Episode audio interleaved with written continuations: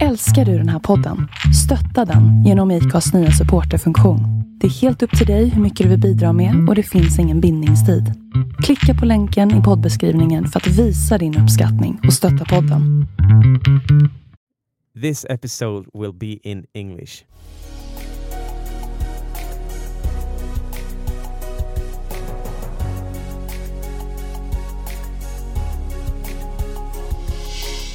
Welcome to the Swedish podcast Vart är vi på väg? Or in English, Where are we heading? In this podcast, we interview entrepreneurs, investors, and other people that contribute to create positive impact nationally and internationally. We want to give you who listen advice and inspiration for how innovative ideas and entrepreneurship can solve the societal challenges we are facing. And we also want to inspire you to have a sustainable lifestyle with sustainable habits, and of course, also put the spotlight on all amazing impact entrepreneurs out there.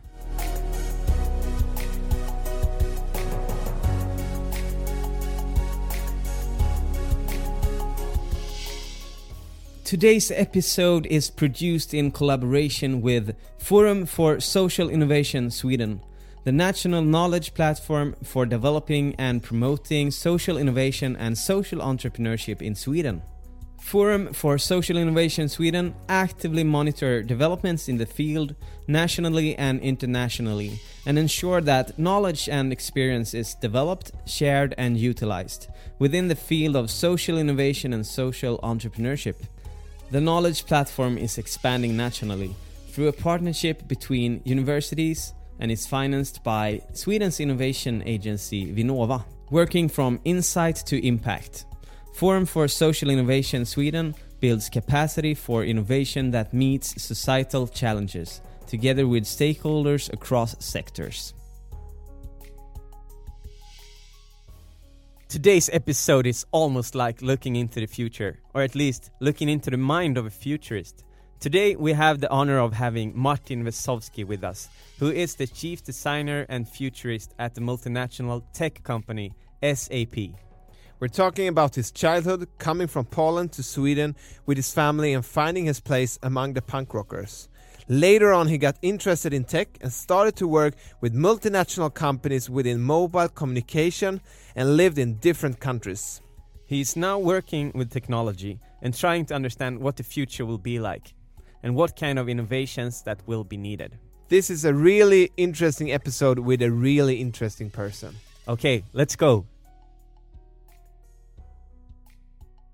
This podcast episode is not a regular one because we are here in Malmö, Jon. Yes, we are here at Social Innovation Summit. Yeah, it's been a good couple of days here and we are just wrapping it off.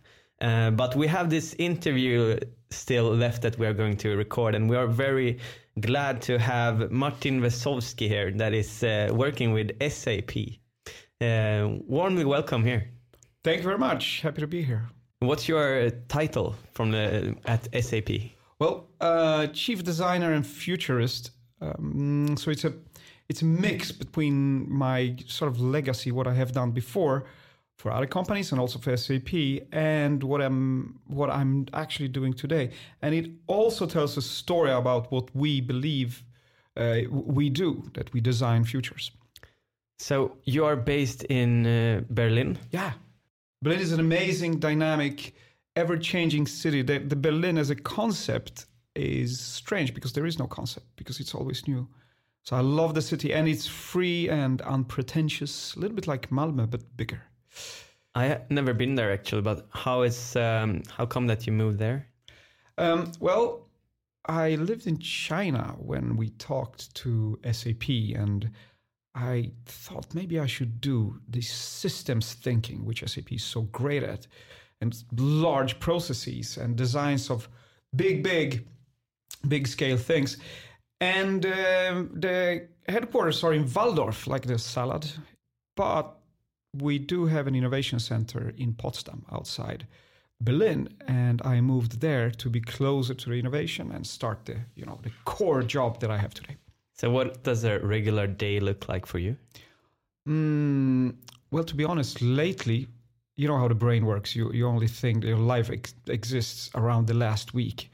So you're biased towards that, but it, it is travel. It's a lot of traveling, uh, meeting my colleagues and a lot of customers and talking to people like yourselves to get the information from outside in to then sit during that, you know, stereotypical day to write and express that these are the visions, expressions of the future, applications of, of the findings of the technologies we want to have into the future and write them down to articulate. So, first you gather, you understand, and articulate uh, your visions and your strategies. They might be then our corporate strategy, and our customers uh, look at that and see, oh, right, this is how we could change, go together into some kind of uh, future innovations. Yeah, and a totally other thing, we also seen that you've been in this Swedish TV show. Oh yeah, that was a long time ago. Cooking. Yeah, cooking. Yeah. how, how come you you participated there? I, I think it's called Halv, halv åtta hos mig. Yeah, you found that old yeah. thing. That's funny. Uh, yes. Well, actually, I mean, besides that being a fun thing, I, I have uh, friends uh, that grew up in Karlshamn in Blekinge that moved to Stockholm and started to make TV. And they suggested, hey, Martin, should, we, we're going to be in Malmö and you should be here because I'll spend some time in Malmö in my life. But at the same time, I'm, I'm so I like cooking. Cooking and design and future thinking or systems thinking is the same thing for me. There are ingredients in technology, in futures, in, in societies. They, there, are, there is timing, there is an audience, there is presentation, uh, and this is exactly what you do when you say play in bands, which I did as well. This is exactly what you do when you construct social systems. So yeah, I love cooking. I love eating as well. So. So you are thinking a lot about the future and live in the future in some kind of way. How how do you manage to stay present?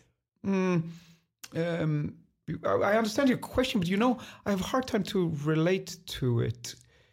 I am quite good in being in the present. Uh, I think it's just my nature. I don't meditate especially much. I don't do yoga. I, I train sometimes to get my body and mind in shape. At the same time, I'm really good in thinking and daydreaming in that sense that you try to figure out what does it mean. You go to the whiteboard. I have an enormous whiteboard in my office and try to scribble down. And that you, you need to be in that moment uh, there and question yourself and your own thoughts. So i do it a lot. And at the same time i travel a lot which gives me the opportunity to think a lot uh, on my own and read. And that brings me back to the moment. So i actually don't distinguish these two things. Mm. talking about the future but being here is the same thing for me I like that you have a whiteboard on your in your office. That's a dream of mine. I would love to have a whiteboard oh, in, my, in my room. Man, I, there, there's a startup, not a startup anymore. I forgot their name. They making visual effects. They basically do 3D graphics, but everything is engineered as particles, so they can build up a city in in the a cityscape, but they can make the city dance because it's particles rather than blocks. Anyway, special technology, and they are really good at it. They the CEO there said, when I have a when we do have a meeting and there's no artifacts on the table and the simplest artifact could be a piece of paper with, you know, a box and an arrow on or, or a whiteboard. We close the meeting. There must be something to look at and touch and feel. Um, the whiteboard is essential. We, if you guys have meetings and nothing have been drawn, no maps of your thoughts, you will be repeating the same thing minute 27 of that meeting as you discussed minute 9 of that meeting and you will already have forgotten that. You will you will be going in circles if we look to your background, has this things been something that you've been thinking about all the time, like the future, innovation? Mm, not really, uh, but I I started to play in bands when I was uh, 14, 15. Uh, played punk rock, and the punk rock movement back in the 80s when I when I grew up was all about you know the next generation, us uh, protest a lot against everything. And I guess that was the general attitude to, to challenge the status quo, which is, in essence, you realize later in, in the philosophy of it, uh, exactly what we're doing today. We challenge the status quo because we're looking for change. That change will happen in the future. So there's one thing. and I was attracted to to the creative forces when you play. So music is a gadget sport. Basically, you have gadgets and buttons and hmm. electronics and.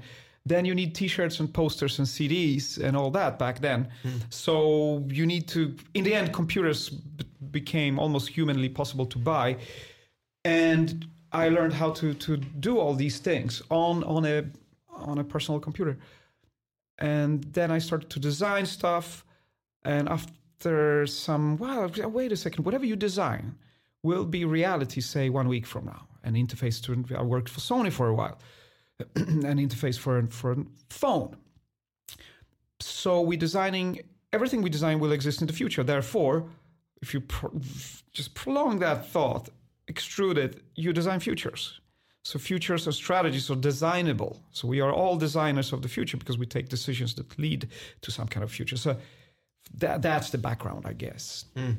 So where did you grow up? In Poland, in Gdansk, Danzig, or in German, or Gdansk, till I was 14. So a little boy, uh, or uh, getting getting into be a teenager. Uh, at the same time, you know, it was a strange period of time in, in European history. We still have the Soviet Union and the oppression of the rest of the Europe. So, so the Soviet oppressed Poland. We have the we had the wall, Berlin Wall, up. But as a kid, I you know, I mean, I had a, I have amazing parents that they kept us smiling. Uh, here's a football, whatever. And kids don't think about these big questions. All right, there's military and tanks on the street, but who cares because we play football. And as long as your parents are smiling, you're smiling. So, so I had a fantastic upbringing um, in Poland. And then everything changed, obviously, when I moved to Sweden, uh, because that was where we sort of escaped. So that continued, and I grew up in Sweden. But as a, as a kid, I grew up in Poland. My parents, I guess, didn't see any future for my my sister and I, and it's like, okay, we had enough. This is not going anywhere, and um, we, let's let's figure this out. So that was the reason. It was just not a nice place to live in, and there were other places that were much more developed. Mm. When it comes to social awareness and, and politics and so on, obviously Sweden uh, as a beacon of freedom, the Nordics and so on was was was a magnet in that sense. So that's very natural, I would say. And when you came to Sweden, how how was that time? I mean, you you must have started like uh, the like high school, Yeah, seventh, almost. seventh grade. Yeah. Uh, it was well, it was overwhelming. Uh, so all the teenage hormones to start with. So the teenage brain is a mystery, uh, and I kind of remember that uh, confusion, and then confusion being in a new country, not speaking the language at all. Um, um, so I can definitely relate with all the. So I've been an immigrant all my life, first in Sweden, then in China, now in Germany, um, not speaking all the languages and so on. So I learned English in Swedish schools. Um, so that was overwhelming. At the same time, it took a year. The teenage brain is amazing because you can learn a lang- language in, in, a, in a half year, a year, which grown-ups maybe can do, but uh, you know we don't have the techniques and methods for it yet. But teenagers just inhale that. And I don't know, you want to play football and you want to scream across the field. Give me a pass because I, I'm in a good position. How do you do that? You need to learn the language and then you need friends because you're a teenager you need the social confirmation so in the end you hang out with the punk rockers because i guess that's the opposite to poland that was the totally new the cutting edge new so you go far out and i had extremely nice friends and we are still friends by the way uh, like 10 15 20 people that sort of hang out. Facebook helps us to do that. Uh, and we built bands and we started to play punk rock and write songs and we thought we could change the world. And that that was my upbringing. That was my first introduction to change. And then you said you also moved to China. um, eventually i ended up in a very grown-up job at sony ericsson. Sony as a as a designer there um, When was that- this? Uh, what age? 2005 so i must have been uh, 35 right Okay. and um, I loved it. At the same time, I saw Sony sort of nosediving on on innovation and, and change and radical change that they could lead. I still look up to the brand. I think they're amazing, and they inspired so many change makers of, of our times, like for example Apple, uh, a little bit in the same with the same agenda. Um, so, so I look up to the brand, and I was looking for something else. The, the, the smartphone era they opened up 2009, I guess, something like that, 10. And I was looking for that change again, challenge the status quo. What is, you know, consumer electronics? What is eco- ecosystemic thinking? And when Huawei call, called uh, and said, "Hey, why don't you move to Shenzhen?"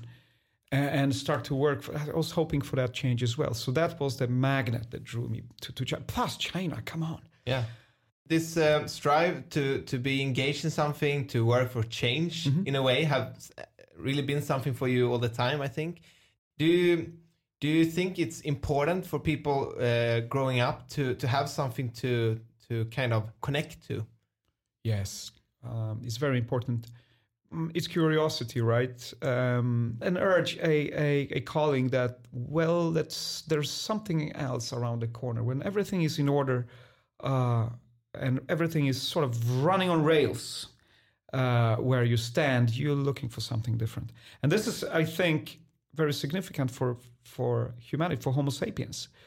There's always someone that says, no, screw that, let's, let's invent Dadaism uh, what is art, questioning everything, or Picasso with Cubism, or Salvador Dali. This is humans. Mm-hmm. We are curious to, to investigate, to break uh, stuff and move on. So in in China, did you get uh, get to do that? A little bit. Um, actually, China let get to do that with me. Everything in China was the opposite of what you think. At least for me, it was. Uh, so I had to rethink how to act with other people. I learned to be more patient. I can, I will not be right. Uh, you cannot change 1 billion people. So who's right? What, what is right? What does it mean to be right? Um, they have a very different political system. They have very different hierarchical and business systems and social systems there. They think about business differently. Uh, and so, on. so all these things you cannot learn in a you know, traditional school from Salzburg uh, in Europe.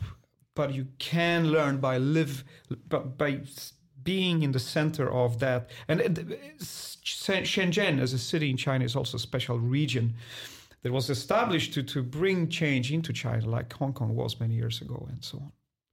So innovation is still very good and possible in China, even though some may maybe have the view of them buying technology mm-hmm. from other countries and I mean, they do buy and copy like many countries that develop into some kind of modernity do. Japan grew up on the same in the same way. Korea, made in Korea, all of a sudden innovated in Korea, right? We've, we've seen that during the decades, and that's great.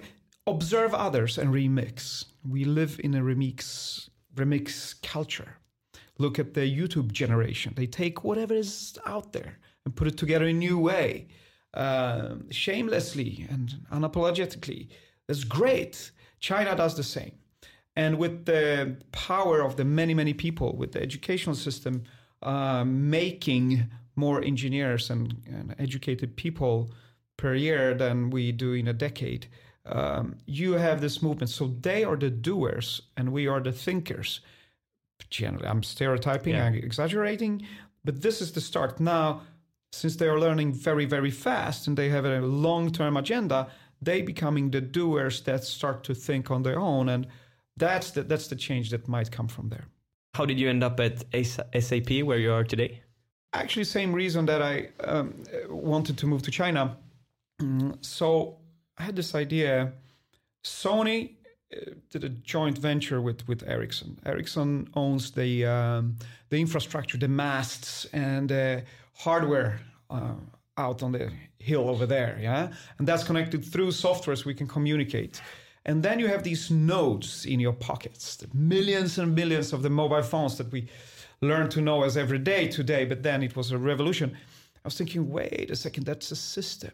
Um, how can we use that system to become an ecosystem of knowledge, a graph, a database, uh, rather than instances, you know, single devices to be a connected device? How does that drive a social change and behavioral change? So I thought Sony Ericsson had that in their pocket, but they didn't understand it. I thought that maybe Huawei would understand it. They did. In a different way that Sony Ericsson did. They actually did, but they didn't see that as their uh, main priority. They just wanted to sell more consumer devices. So when SAP called, I was thinking, oh wow, that's a new thing. Back then, I thought that's that's a pretty unsexy brand if you compare to the Nokia's and the cool new brands coming up and Facebooks and of the world um, that I maybe could work with. At the same time, they are a true systems. They invented the process, the digital process, the systems around these processes. And I understood how much of the world depends on these processes and these infrastructures, in the, these intellectual infrastructures. So I was absolutely intrigued, you know, being the dreamer, the punk rocker, and the, the, the boy moving into this new sphere from Poland to, to Sweden, a new world is opening up. I saw um, and also being a, a, fan of space and the exploration, the, the, true cutting edge, the final frontier, if you wish, I saw SAP might be the home for this boy dream, this childhood dream of maybe they are the NASA of work. If there is a cutting edge thing for, for people at work, that's SAP. And that was very attractive, the systems thinking. What are SAP's core business for those who don't know? Well, uh, we do business uh, software. Uh, basically, everything that runs this planet runs on SAP. If you buy a song on iTunes, uh, we run Apple. Or actually, Apple runs SAP. Yeah. Um, Cirque du Soleil runs SAP.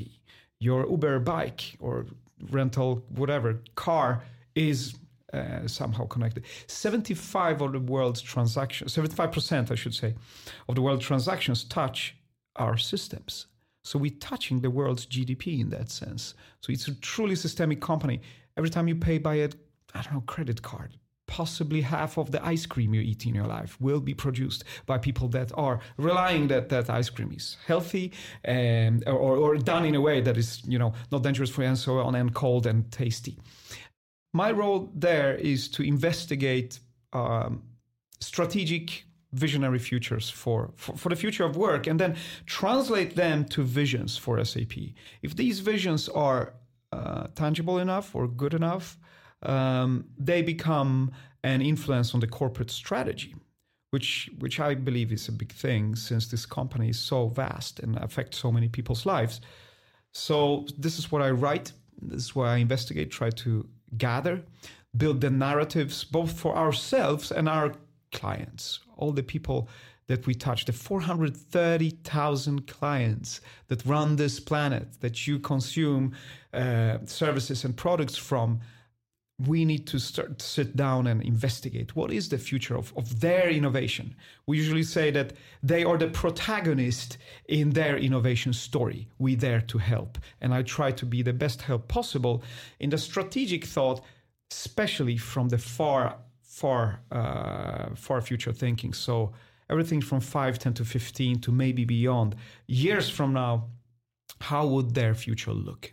And we try to capture that and translate that to for them to be these protagonists of innovation.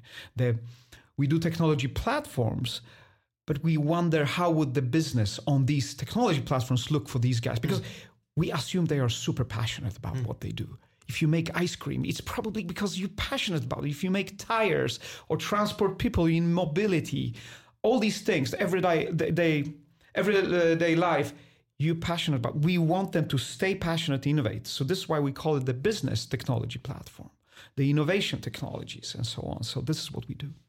You also have a lot of you know you you uh, traveling around talking about the future and and and we have heard one of your talks here uh, earlier today uh, one topic that you have on a TED Talk is design a future we all want to live in. Mm-hmm. Um, can you tell us a little bit about that? This comes back to this idea that whatever decisions you take, small or big, uh, acquire this company. You sit on the board of a company. You have the power to acquire or join um, the, the adventure of, of someone else. Big decision, yeah, big money big business, very grown up, or small decisions. Should we should we call our customer now, or should should we develop this feature on that product? Should we change a little bit on that interface or, or something? Or I don't know, should I sit down and have a lunch with her because she's clever? She's going to educate. These decisions you need to conduct and, and orchestrate because they together lead to a certain future. Many people don't see themselves as having the creativity to design anything. Uh, nevertheless, they do every day because they t- take these decisions. They don't see themselves as futurists. Maybe they never heard that kind of title um, of or function to think, but nevertheless they do.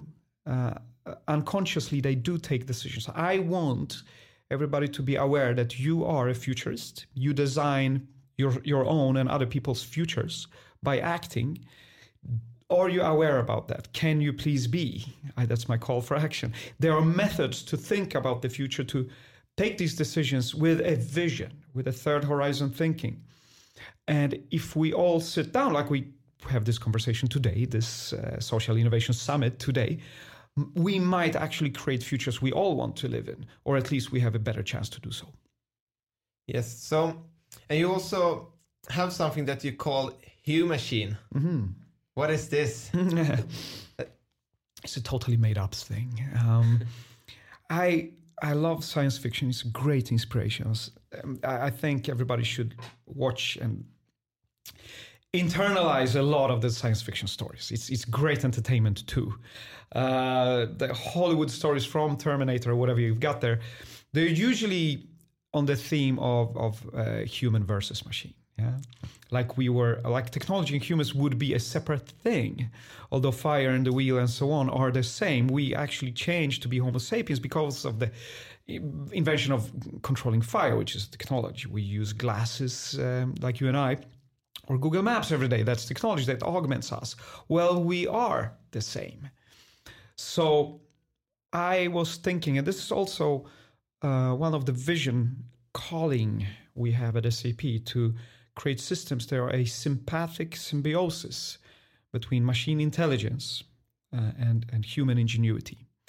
It is a machine, but it, it is for humans. Humans augment the machine with human ingenuity, and machines augment us with intelligence. It is a human machine. It's a human machine intelligence, emerged symbiotic uh, intelligence. So that's the human machine. So you also talk about this that um, through the years, a lot of things have been replaced by technology from what we have done in in human workforce. Mm. Um, how do you see this in the future? Like, how can we use the machine technology in a good way to actually use our time and our uh, thinking in another way? That, that, that's that's that's like you, you, in the center of what we're trying to do. This is the machine intelligence. Um, we can. Someone said this. If you can describe for me exactly what you do, like it's ten steps, and you know all of them, and you're proud about that, uh, we can automate them because that's that's a program uh, by definition. It's a computer program. Uh, here are the steps, please execute on them. Um, and if these steps are so well known to you, it becomes a routine. That's a process. Why would you use the whole capacity of your human ingenuity and curiosity and everything we are so good at to do something you already know, to be a routine machine, when machines can do it better than you?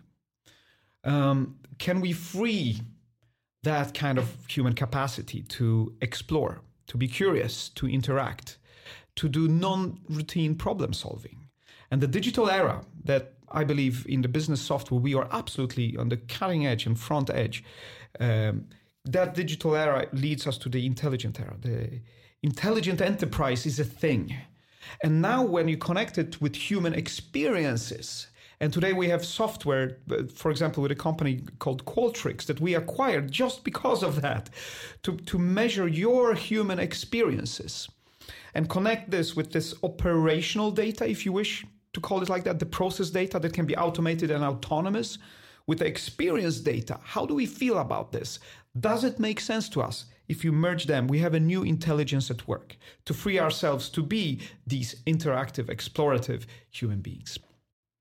So, if anyone who listens here feels um, inspired about what we are talking about today, and you know feels stuck in, oh, I just don't have time and inspiration to think about a future, but I understand that in order to be relevant, I need to start do it. what's your advice to people like that? Mm. Talk to the people just you know left and right of you. Talk to each other like we do today, actually. so thanks, guys. Um, ask your customers what do they think about when they think about the future? I mean, again, they might be in the business of food. So they are experts. They are passionate about feeding us in a very healthy and sustainable way. Uh, that's great. They are not technologists. We are. How can we combine our thoughts? What what would the, and if they say and you say, hmm, we haven't thought about the future because we never had the time. Please do make some time and try to find the techniques and methods to investigate, to design these futures. There are the, the three horizons that we talked about. Doing the things right is will always keep you busy. Are these the right things to do?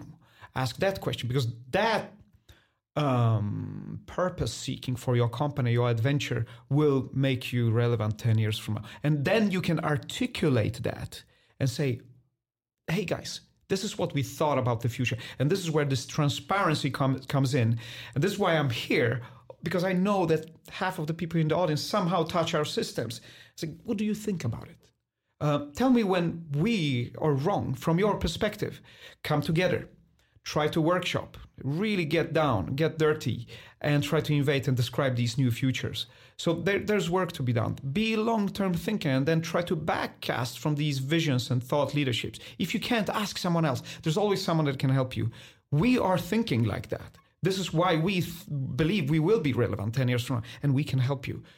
There is help and it's super fun. It's really exciting yeah. to do that. It's overwhelming too and it's hard. But investing that, you, the, the reward is enormous. You also talk about this curious purpose think uh, seeking. Yes, yes. As you have this uh, this talk about like how companies now move from the, the the traditional like you know you have to have this result, you have to have this uh, uh, organization structures, yeah. about into new ways of doing it. Can you describe this a little bit and how how this is important for the future business to attract people and also be relevant? Yes. Um, as, a little bit as I presented today, uh, I really enjoy this method of, of the three horizons, um, where the first horizon is what you do right today, exactly as you're describing, guys, and you're passionate about it. You have a promise to the market. This ice cream will be amazing. Uh, this new mobility solution. I hope you enjoy it. You promise this, you, can, you know how to do it, you release it. That's ready to consume. It's a solution. Startups live very often in this um, uh, sphere. They're touching the second horizon where, hey, if we forecast from where we are today, the society could look different because we know a problem nobody solved before. It's very known problem. It's very easy to calculate how it would affect people's life. Let's go to work. So they start up and go there and explore. And there is this third horizon that I described that differs uh, markedly from the other ones because that one you cannot forecast to. Because forecasting builds on things you know. We want to f- we want to investigate the third horizon for things we don't know. We don't know the technology. We don't know the return on investment or maybe even the market pull, but we find this a very desirable um, future.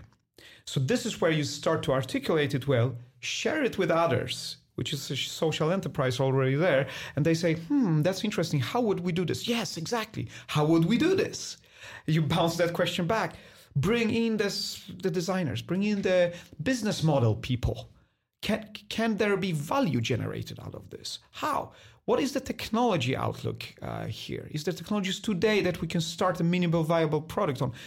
what technologies do we need to investigate and invent and put to the ground? And now we're talking. So you, you start in the third horizon, you backcast from your idea, and you meet each other in the second horizon, where you trust your vision, you trust each other, and you trust your resources and findings and your history and your intellectual property of today and your history, and you move forward. So it, it is important to have that kind of people in the organization to have these people and have third horizon thinking is key. Um, the risk is this. Since you're passionate about what you're doing, you're really good at it. You're doing things right, as I as I call it. Uh, you probably will think you will sink into the bias, the human bias, the imaginary world that that's everything there is. until someone else tells, this is relevant just now. The world is changing. How can it be relevant in the future? What would be? Who did you ask? Who did you interact? Have you asked your customers? And by the way, they will not tell you everything about what you providing, say in, in our case, technologies, business technology platform for their future because it's not they making, I know, cars. We making technology. So you need to translate what they imagine, how they want to be this hero of the future when it comes, for example, to mobility through the technologies they would help them. Therefore, you need to establish the third horizon thinkers. And this is what we have done in, in our area in technology and innovation, led by Jürgen Müller, who is now our executive board member. He was our chief innovation officer before. This is where we established there our new ventures and technologies, NVT, uh, where, where my colleague Max Wessel leads. And there, there is the Innovation Center Network that spans across the globe when we actually in- investigate crazy technologies like, you know, homomorphic encryption, blockchain, how could that run the world? Uh, what is happening in quantum uh, computing right now? Ask us, and we will help you to be in that third. But we need we need you to invest in that. Create space, money, uh, tangible space actually, so we can be there.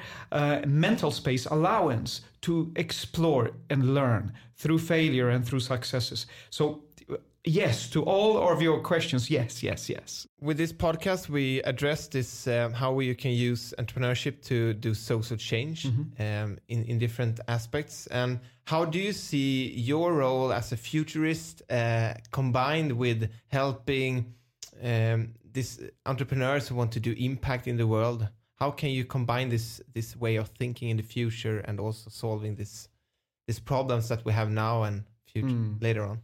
Uh, this is great, and this is, is a key- key uh, philosophy for, from from our part, or at least from my part. I believe that if you are in business, you are in social business. That's it. Everything you do ends up in people's hands. If you interact with Homo sapiens, you are a social entrepreneur. End of story. Okay?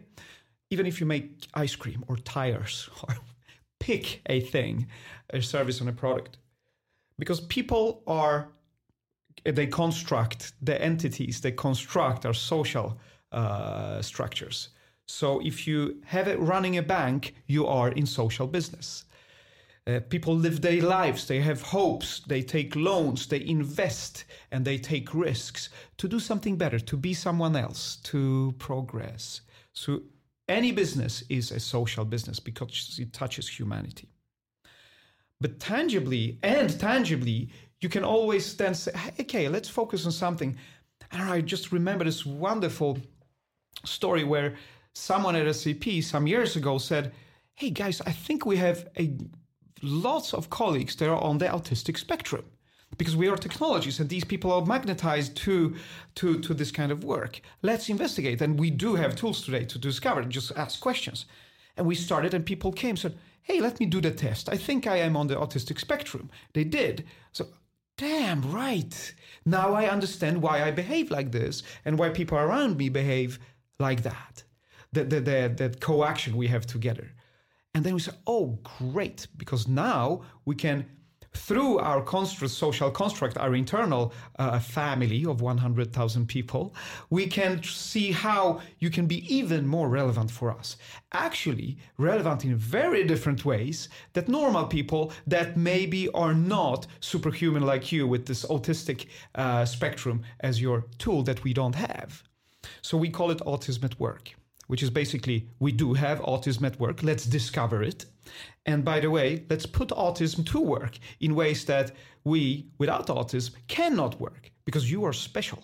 Let's use that in some way. So that was one of the programs that I think is um, in our you know big village of SAP and partners and everybody else can be investigated how to do that and have the social impact in, internally better but we do uh, so many other things. The, the 1 Billion Lives program, that, for example, we do a lot of contacts with, with entrepreneurs and we do have intrapreneurs. We do have venture capital arm, uh, SAP Ventures, and so on.